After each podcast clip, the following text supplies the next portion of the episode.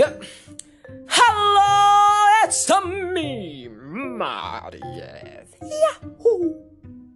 Yahoo. Gua nih agak serak tenggorokan jadi misalnya suaranya agak bergetar gitu. Serak-serak banjir ya sudah maklumi. Oke. Okay.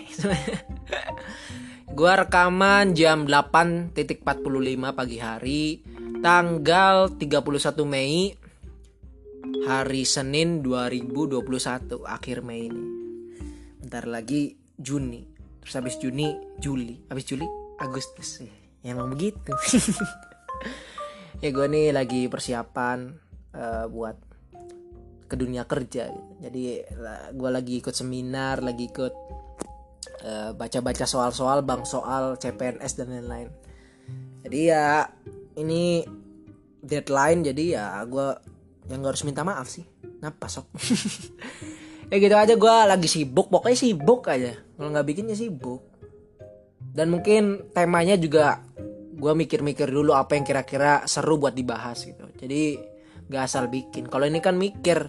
Gak kayak channel-channel yang lain. Kalau channel-channel yang lain gue asal bikin aja Asal ngomong. Ini kan dipikirin Apa nih temanya?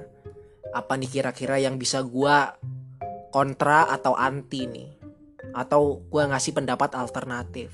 Apa nih? Ya langsung aja. Uh, eh, gue pengen ngebahas di mana sesuai judul. Ayo musnahkan manusia. Ayo yuk. Semuanya kita musnahkan diri kita sendiri. Manusia. Manusia ini sudah ada selama setahu gue ya 200 ribu tahun. Secara spesies. Kita ya pernah ber kita pernah hidup bersama homo-homo yang lain, homo neanderthal, homo uh, apa sih namanya? Yang dari gua lupa. Pokoknya kita pernah hidup dengan homo-homo yang lain. Terus pada akhirnya ternyata kita lah yang dipilih yang sesuai dengan alam. Jadi bagi lu yang berpikir kalau hukum rimba itu yang kuat yang menang, itu sebenarnya salah. Bukan yang kuat yang menang, yang cocok yang menang. Jadi survival of the fittest. Siapa yang lebih cocok dengan alam, dia yang menang. Kalau kita bandingin, kita sebagai manusia sama kita lawan gorila aja, ya kekuatan gorila. Tapi kita bisa menang lawan gorila karena kita cocok dengan alam. Secara evolusi evolusi otak, evolusi bahasa, kita mengembangkan uh, kekuatan kita sendiri bukan secara fisik tapi ya secara kreativitas, secara uh, kognitif kita mengembangkan diri kita dan akhirnya kita bisa mengalahkan gorila. Yang kalau secara objektif gorila lebih kuat dari manusia. Wah, tangan dirobek sama gorila manusia. Jangan gorila deh, orang hutan. Abis oh, manusia kalau satu lawan satu kuat-kuatan, abis sama orang hutan. Jadi kalau misalnya hukum rimba adalah yang kuat yang menang, oh ya tidak betul itu. Bukan yang kuat yang menang, tapi yang cocok atau yang adaptif yang menang. Survival of the fittest. Seleksi alam itu begitu. Dan kita berhasil mempertahankan eksistensi kita selama 200 ribu tahun.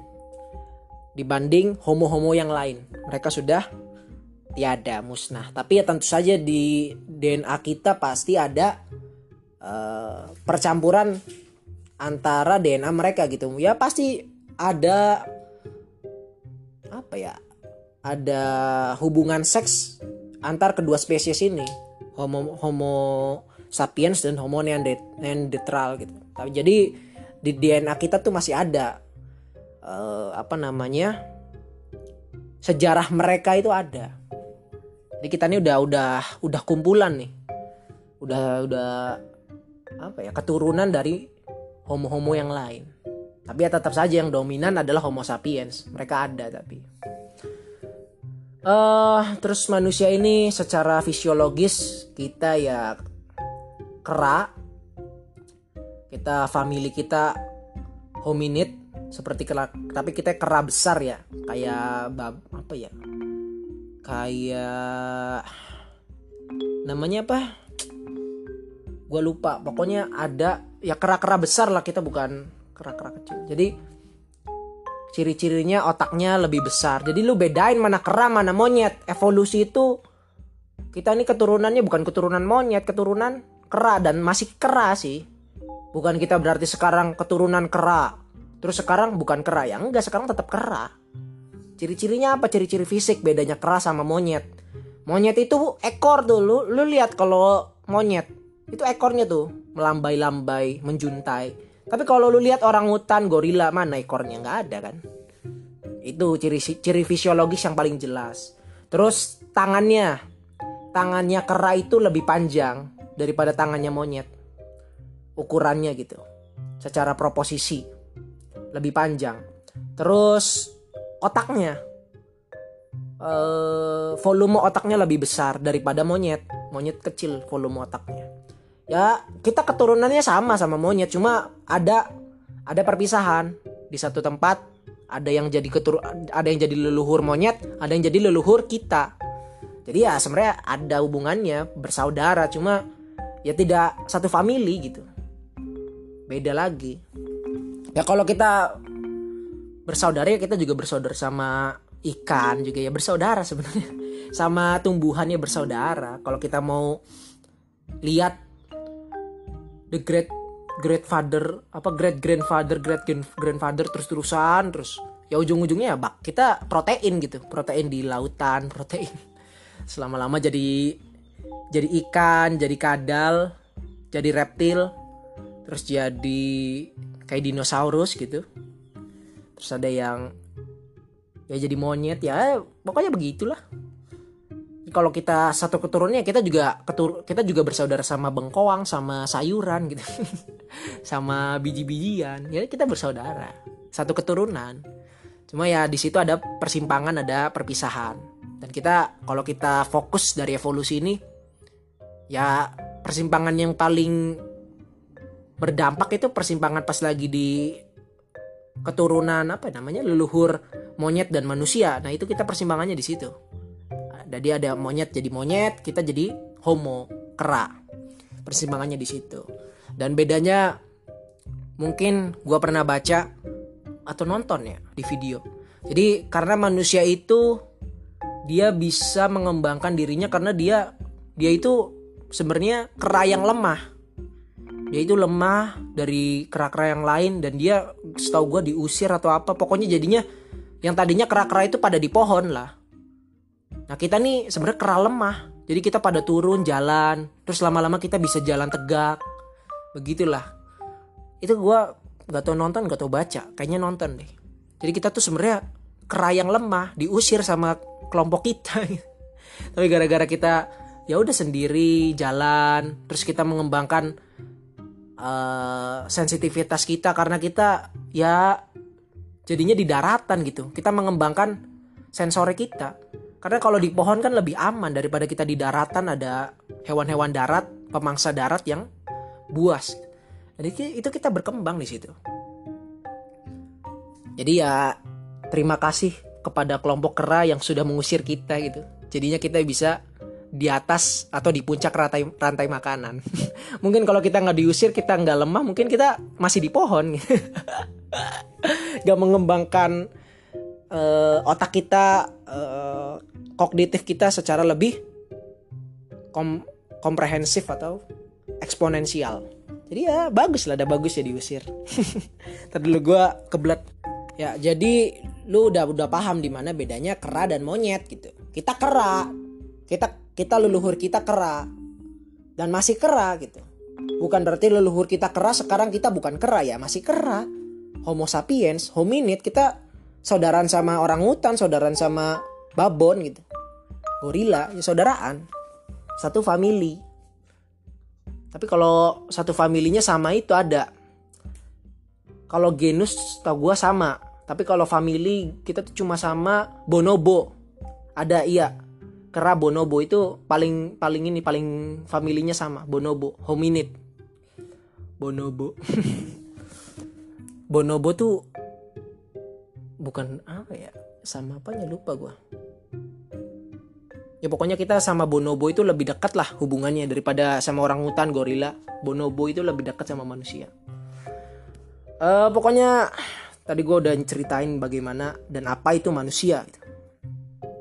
dan sehubungan dengan episode gua kemarin di mana dibahas robot akan memusnahkan manusia dan gua menjelaskan bagaimana caranya memberi apa ya mencari solusi dari argumen tersebut atau dari premis tersebut yaitu solusi gitu agar kita tidak musnah dan di sini gua akan berkata ayo kita musnahkan saja manusia kita musnahkan diri kita sendiri kita musnahkan homo sapiens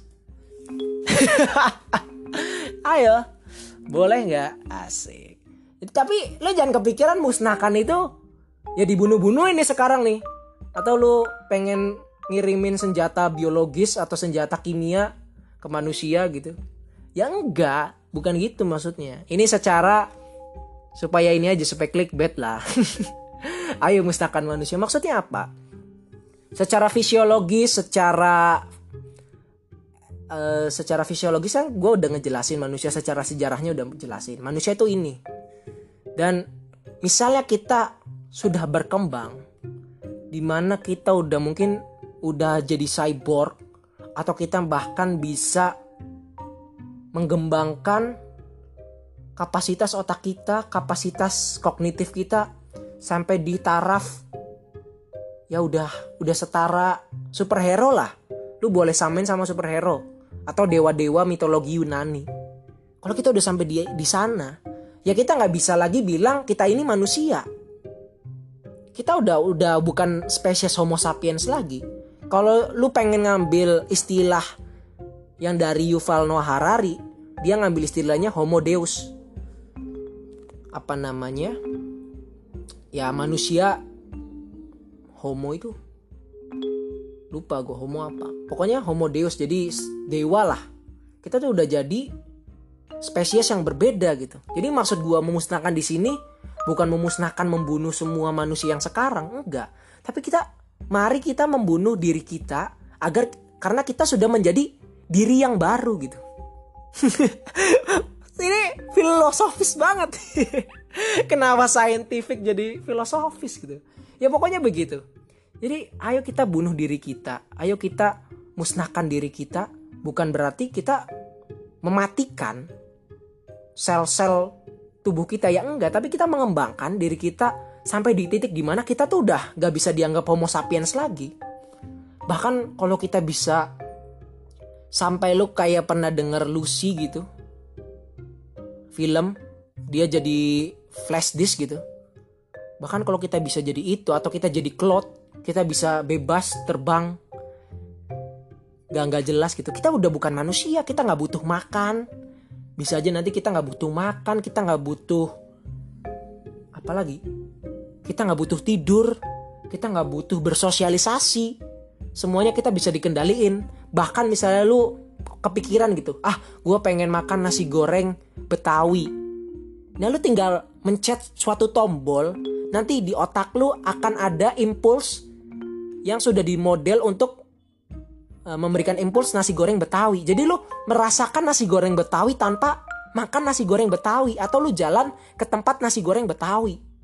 Itu bagaimana manusia menjadi spesies yang lebih lanjut gitu. Kita berevolusi lagi. Itu mah evolusinya bisa organik atau non organik. Kalau non organik kita melibatkan teknologi, tapi kalau organik ya pasti lama lah ribuan tahun. Tapi kalau kita mengembangkan teknologi, mungkin nanti kita suatu hari otak kita kita bisa di-download otak kita lalu kita upload ke robot atau ke ya pokoknya tubuh artifisial gitu.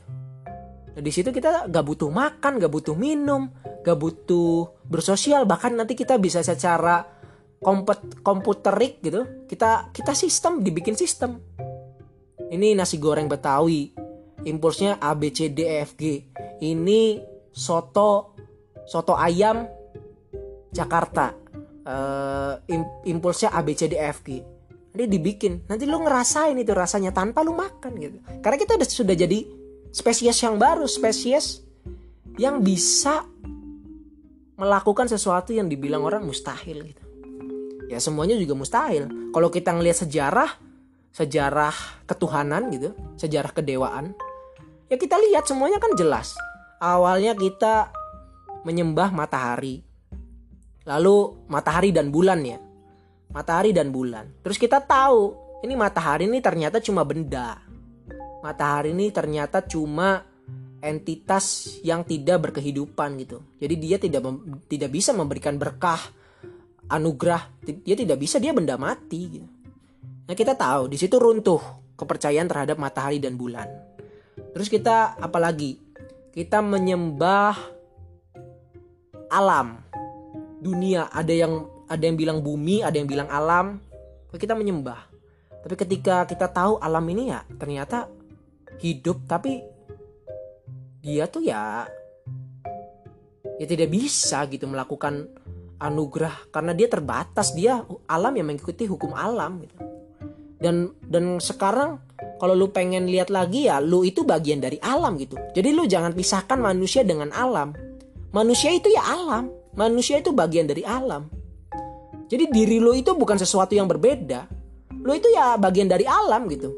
Bukan lu sama alam itu berbeda. Lu lu adalah alam, lu membutuhkan alam. Jadi nggak bisa lu hidup tanpa alam gitu. Lu itu alam dan mengikuti hukum alam. Manusia itu ya kayak gitu. Kalau lu uh, gua kasih contoh ya. Coba lu ambil gelas, isi air. Lu tahu ini air ini ini gua nih. Lu tahu ini saya ini air. Itu itu berbeda lu tahu. Tapi ketika lu minum airnya itu bukan lagi air itu diri lu itu jadi lu gitu. Air itu udah udah udah menjadi bagian dari lu. Dan air itu lu gitu. Jadi lo itu isinya karbohidrat karbon protein uh, sel telur. Jadi lo itu akumulasi dari alam gitu. Lu itu terbentuk dari alam dan lu itu alam gitu.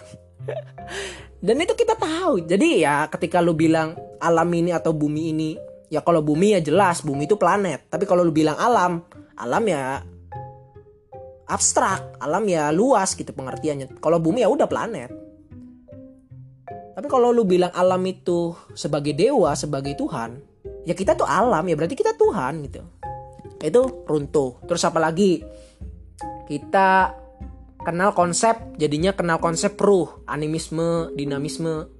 Kita percaya kalau tidak kalau orangnya mati akan pergi gitu akan ada ruhnya keluar. Atau benda-benda ini sebenarnya punya ruh di dalamnya. Benda-benda ini sebenarnya hidup pohon ini punya ruh. Jadi kita punya konsep di mana ada ruh. Jadi tidak hanya sebagai tubuh organik tapi ada tubuh transcendental gitu kita nih. Kita punya konsep itu. Terus kita ya contohnya misalnya orang zaman dulu itu ya kalau ngelihat batu ya punten diajak ngobrol.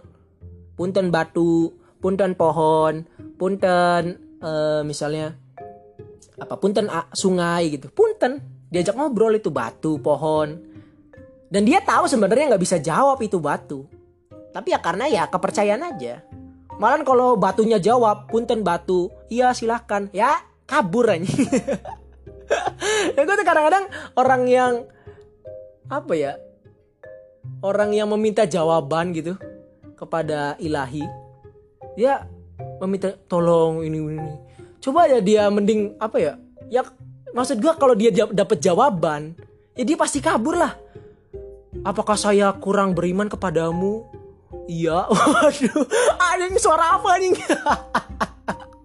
kan gitu. Kalau gue mau mikirnya, lu minta jawaban, tapi kalau ada jawabannya serem anjing. lu lagi berdoa, apakah aku kurang sempurna bagimu? Iya emang bener. Waduh, kabur anjing. Sebenarnya kita tahu nggak bakal ada jawaban, tapi kita meminta jawab. Apa kita ajak bicara gitu? Punten batu, punten pohon, itu jelas terus berkembang lagi uh, ada politeisme kita menganggap ya diri kita ada yang ya itu perwujudan dari sifat-sifat manusia sih. Ada nafsu ada pokoknya setiap misalnya ada anggur gitu. Kita nemuin anggur ya pasti nanti ada dewa anggur. Kita nemuin pertanian ada dewa pertanian. Ada petir dewa petir. Jadi setiap ada suatu fenomena ya kita menjelaskan itu adalah hasil dari suatu Tuhan gitu. Itu politeisme. Terus kita potong lagi jadi dualisme. Karena pas lagi politeisme itu wah ya saling bertabrakan. Kalau lagi perang musuhnya menyembah dewa Athena tapi lawannya menyembah dewa Ares gitu. Pasti kayak gitu. Jadi ini mah jadinya kayak untung-untungan aja. Ini sari dewa tuh saling ribut. Itu politeisme jadinya runtuh. Jadi apa ya ya kita masa pengen menyembah Tuhan yang jahat gitu. Logikanya begitu. Tuhan jahat masa kita sembah? Ya itu runtuh jadinya. Gak mungkin lah ada Tuhan jahat. Dia pasti baik. Dia pasti nggak gak ingin gak menginginkan perang dan lain-lain. Terus kita potong lagi jadinya dualisme. Ada Tuhan baik ada Tuhan jahat. Dua ini saling saling memberikan pengaruh dia Tuhan jahat memberikan penyakit dan lain-lain. Tuhan baik. Kepercayaan itu. Tapi itu juga runtuh karena prosesinya kurang. Yaitu gue juga lupa uh, kayak Zeus gitu Thor. Ya kita sudah bisa menangkal itu. Misalnya petir ya udah ada penangkal petir. Gitu. jadi kita udah bisa menangkal amarah dewa Zeus dan dewa Thor. Gitu. terus abis dualisme monoteisme yang sekarang ini masih berkecimpung dan gue nggak tahu sampai kapan. Monoteisme ini ya pokoknya udah satu aja dengan segala sifat baik gitu. Nah ini konsep yang paling paling bagus menurut gue dari dewa-dewa sebelumnya. Karena sulit. Pokoknya apa pun yang lu pikirin tentang kebaikan ada di dirinya gitu. Walaupun walaupun kontradiktif pokoknya ada aja. Nggak bisa didebatin. Itu keren gitu menurut gue konsep yang keren lah secara konsep itu sulit untuk orang ragu gitu. Kalau politeisme, dualisme, eh, dinamisme, animisme itu ya masih ada keraguan lah. Tapi untuk monoteisme ini banyak orang menafsirkan sendiri. Jadi ketika lu bilang walaupun lu lu percaya Tuhan yang sama, tapi gua yakin lu punya perspektif yang berbeda tentang sifat Tuhan. Lu sama-sama percaya Tuhan Arab gitu. Tapi gua yakin Tuhan Arab bagi lu tuh seperti apa, tapi Tuhan Arab bagi gue itu berbeda. Atau Tuhan Arab bagi orang ketiga itu berbeda. Beda-beda setiap orang punya definisi sendiri, perspektif sendiri. Bagaimana Tuhan Arab itu e, bersifat gitu. Beda-beda. Ada yang bilang nyantai, ada yang bilang tegas, ada yang bilang pemaaf, ada yang bilang e, pemarah. Beda-beda. Tapi itulah keuntungan dari monoteisme tafsiran itu. Itu sampai sekarang. Dan sifat-sifat itu sifat-sifat kedewaan itu untuk para orang yang ya untuk kita lah. Kita yang mengejar gitu. Sifat-sifat yang menurut kita mustahil itu. Seperti bisa menghancurkan seperti bisa hidup abadi bisa mengetahui segalanya bisa uh, ter terbang atau lari dengan kecepatan cahaya atau ya kecepatan suara atau kecepatan sangat cepat lah kayak Hermes gitu. Jadi manusia ini mengejar apa cerita yang Tuhan-Tuhan itu ceritakan gitu, apa yang diceritakan orang-orang tentang Tuhan. Hermes yang bisa berkecepatan suara, uh, terus juga Zeus yang bisa menghancurkan gitu. Ya pokoknya kita mengincar itu gitu. Kekuatan-kekuatan ilahi. Kita mengincar keabadian dan lain-lain. Jadi manusia sedang ada project untuk mencapai keilahian transcendental dan ini gue nggak tahu batasnya di mana nih. Kalau yang kita lihat baru harapan hidup terus juga kalau misalnya kita kayak bisa telepati gitu kan dewa-dewa itu bisa bisa telepati bisa berhubungan atau bisa di mana saja. Ini kita secara secara esensial kita nih sudah bisa di mana saja sebenarnya. Secara esensial ya. Kalau kita bicara secara eksistensial ya kita di satu tempat. Tapi kalau secara esensial kita ini udah udah ada di mana saja ya misalnya gue teleponan sama lu gitu. Ya gue tuh ada di situ gitu. Gue bicara sama lu atau gue gue buka seminar zoom gitu. Gue bisa ada di mana mana padahal gue lagi di Cirebon tapi gue bisa ada di Semarang gue bisa ada di Kalimantan dengan aplikasi Zoom aplikasi Google Meeting. Jadi gue tuh udah bisa ada di mana-mana dengan waktu real time gitu. Itu perkembangannya begitu. Dan sekarang ada lagi robot misalnya lu menggerakkan tangan. Jadi ada di otak itu bentuknya helm tapi sekarang katanya bentuknya udah kayak bando. Tadinya yang gue lihat terakhir kali helm. Helm jadi dia membaca pola-pola otak gitu. Kalau polanya pengen mematikan lampu nanti ma lampu mati gitu. Dan sekarang udah ada tangan yang udah dicoba ke mau ke orang hutan setahu gue jadi ketika lu gerakin tangan lu tangan robotik itu gerak juga mengikuti tangan lu. Jadi teknologi ini diharapkan untuk medis misalnya dokter yang ada di rumahnya misalnya di Amerika dokter ahli gitu yang spesialis dia bisa melakukan operasi di Indonesia tanpa datang ke Indonesia. Dia tinggal duduk menyalakan uh, helm robotiknya untuk me untuk mengirimkan sinyal impuls ke robotnya tangan robotnya dia tinggal melakukan operasi gitu secara real time online gitu Nah, itu kan berarti kita bisa ada di mana saja. Itu, itu secara esensial ya. Tapi kalau secara organik, tubuh kita organik ya enggak. Tapi kalau kita ngebahas teknologi ya, ada organik organiknya. Kita juga lu yang lu yang apa ya, lu yang anti teknologi. Ya lu itu misalnya lu yang minus matanya rabun. Lu itu ya kacamata itu teknologi gitu. Lu bisa dibilang cyborg lu tuh. Lu tuh lu udah sebagian dari robot. Itu kacamata ya teknologi terus apa lagi alat pendengaran itu ya lu udah udah udah udah termasuk bisa dibilang cyborg lu tuh setengah robot setengah artificial intelligence gitu bisa dibilang itu jadi kemajuan ini membuat kita bisa saja menjadi spesies yang lain kalau kita udah nggak bisa nggak butuh makan nggak butuh minum gak butuh tidur, ya udah kita bukan spesies Homo sapiens lagi. Bahkan kita bisa terbang dengan kecepatan cahaya.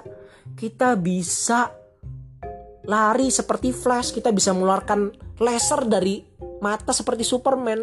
Itu kita bukan manusia lagi, kita entitas yang lain gitu. Udah beda. Homo sapiens itu ya dengan segala ciri-cirinya. Terus ketika kita berangkat dari ciri-ciri tersebut ke ciri-ciri yang lain yang lebih signifikan, mengerikan tanda kutip, ya kita bukan lagi homo sapiens. Kita mungkin jadi apa? Homo homo lain. Bahkan kalau kita udah jadi flash disk, ya kita bukan homo lagi. Seharusnya ya. Kita bukan lagi homo. Itu ya kita udah jadi apa? Materi yang transcendental gitu. Kita udah bisa ke mana aja. Kayak cloud lah. Lu tahu cloud kan penyimpanan itu? Itu ya kita kalau udah bisa jadi cloud jadi flash disk wah ya udah kita bisa terbang ke mana aja ngeliat. Jadi kita udah bukan bagian dari kehidupan ini. Kita cuma ngeliat-ngeliat seru-seruan jalan. Kita udah jadi cloud gitu. Udah jadi flash disk jadi mari mas musnahkan manusia karena kita mau berkembang gitu karena kita mau berevolusi entah secara organik maupun non organik. Tapi kalau secara non organik ini yang jelas lah. Tapi kalau secara organik prosesnya lama dan kelihatannya kalau secara kecerdasan ya kecerdasan kita sama kecerdasan nenek moyang kita lebih cerdas nenek moyang kita. Tapi kalau otak mah bentuknya sama. Tapi kalau kualitas ya lebih cerdas nenek moyang kita. Kita kita ini ya kecerdasan kita kecerdasan kolektif bukan individual. Kalau kecerdasan kolektif ya iya kita lebih baik karena kita lebih banyak, lebih maju gitu. Pelajar apa ilmunya. Tapi kalau secara individual dia lebih cerdasan nenek moyang kita gitu. Cerdas ini bukan ranking satu, eh, rajin ibadah, bukan bukan cerdas itu. Cerdas itu gimana suatu organisme bisa mempertahankan kehidupannya gitu. Itu cerdas. Survival gitu. Intinya survival. Jadi kalau misalnya manusia ini cerdas ya secara individual ya lebih lebih cerdas nenek moyang kita. Dan lebih cerdas kecoa tuh. Kecoa itu berapa berapa ribu tahun atau juta tahun itu selamat terus. Dia pengen ada nuklir ada apa juga selamat itu kecoa itu. Hewan yang nggak tahu setahu gue paling cerdas kayaknya. Dia eksis eksistensinya paling lama di antara hewan-hewan lain. Ini setahu gue ya kecoa. Ini kecoa itu hewan tercerdas itu. Dalam definisi ilmiah kalau lu pengen definisi cerdas itu ranking satu ya bebas lah. Terserah lu gitu. Itu kan menurut lu ini cerdas ini ya orang yang licik itu ya cerdas. Kalau dia emang bisa menggunakan kelicikannya untuk tetap terus hidup cerdas. Cuma kan kita udah bawa nilai etika yaitu urusan lain. Hal ilmiah tidak mengurusi nilai. Nilai etika ya bahasnya di filsafat bahasnya ya di agama. Sains gak ngebahas nilai gitu. Sains ya cuma mengatakan apa yang sebenarnya bukan apa yang seharusnya.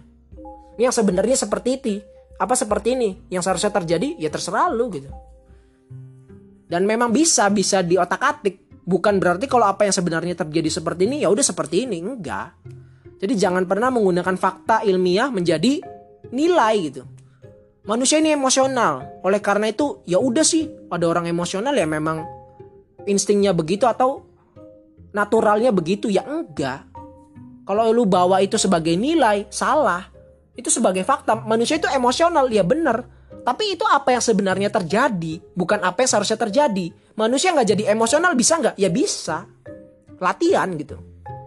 Tapi ini kan ilmiah ini ya cuma mengobjektifikasi urusan apa yang seharusnya terjadi itu urusan pemerintah pengen diapain nih fakta ini? Pengen dikembangkan menjadi fakta yang baru yang menjadi lebih baik atau ya udah di, dibiarin aja? Ya terserah bisa aja gitu. Jadi ya gue mengajak ini memberikan argumen alternatif gitu. Argumen futuristik kepada lo semua yang yang sekarang kan pada pada argumen yang op optimistik cuma ya dasarnya nggak jelas gitu. Kalau gue ini bahas kan jelas dasarnya gitu. ini dasarnya optimis optimis cuma ya lebih nggak jelas lebih nggak kebaca. Menurut gue ya kalau sekarang mah masih lama. Lu jangan ngarepin sekarang akan terjadi gitu. Palingan ya ini bisa 100 tahun 200 tahun kita lihat aja perkembangannya. Dan lu harus berkontribusi. Gue gua mendukung lu untuk berkontribusi walaupun gue mah males. Ya gitu uh, perspektif gue perspektif alternatif dari segala uh, perkembangan zaman ini. Gue melanjutkan obrolan gue robot kemarin gitu gue pengen bahas sebenarnya pas lagi robot ternyata tapi udah 40 menit terlalu lama waktunya nggak pas gak cukup jadi gue bahas di episode yang kali ini gitu episode sekarang. Jadi semoga lu bisa punya perspektif ayo musnahkan manusia bukan untuk membunuh atau meniadakan eksistensinya. Ya meniadakan eksistensinya karena ada eksistensi baru yang lebih hebat dari manusia gitu. Kita menjadi eksistensi baru yang lebih hebat dari diri kita sekarang. Secara objektif ya kita musnah gitu.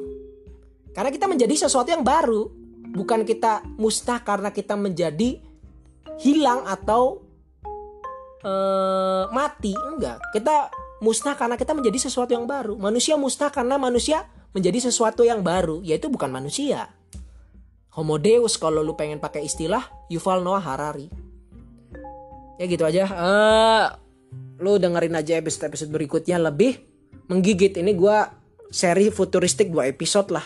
Episode kemarin sama sekarang. Gue pengen ngasih perspektif aja. Nanti lu tunggu aja di uh, hari gak tau gue header gue pokoknya gue tanggal 20 hari ke depan gue sibuk pokoknya. Jadi misalnya gak ada episode ya gue minta maaf. Gak ada episode baru ya gue minta maaf. Jadi tungguin aja. Kalau gue luang gue bikin. Kalau gue sibuk gue nggak bikin. Jadi misalnya gue nggak bikin ya itu karena gue sibuk. Dan misalnya misalnya lu yang mau ngasih komentar atau ngasih perspektif atau ngasih curhat terserah. Lu bisa kirim ke email gue marif alhakim at gmail.com m a r i e f a l h a k i m p at gmail.com lu bisa kirim ke sana. Apa pun. Nanti gue seleksi. Silahkan lu kirim. Nanti gue bacain kalau memang menarik dan memang berhubungan dengan tema yang ada di Antimatter. Kalau berhubungannya dengan channel yang lain gue baca di channel lain. Ya begitu aja ya. Udah sampai jumpa lagi dengan gue hostnya Marif. Gue sudah di akhir di ujung waktu podcast ini ya sudah. Dadah semuanya. Bye bye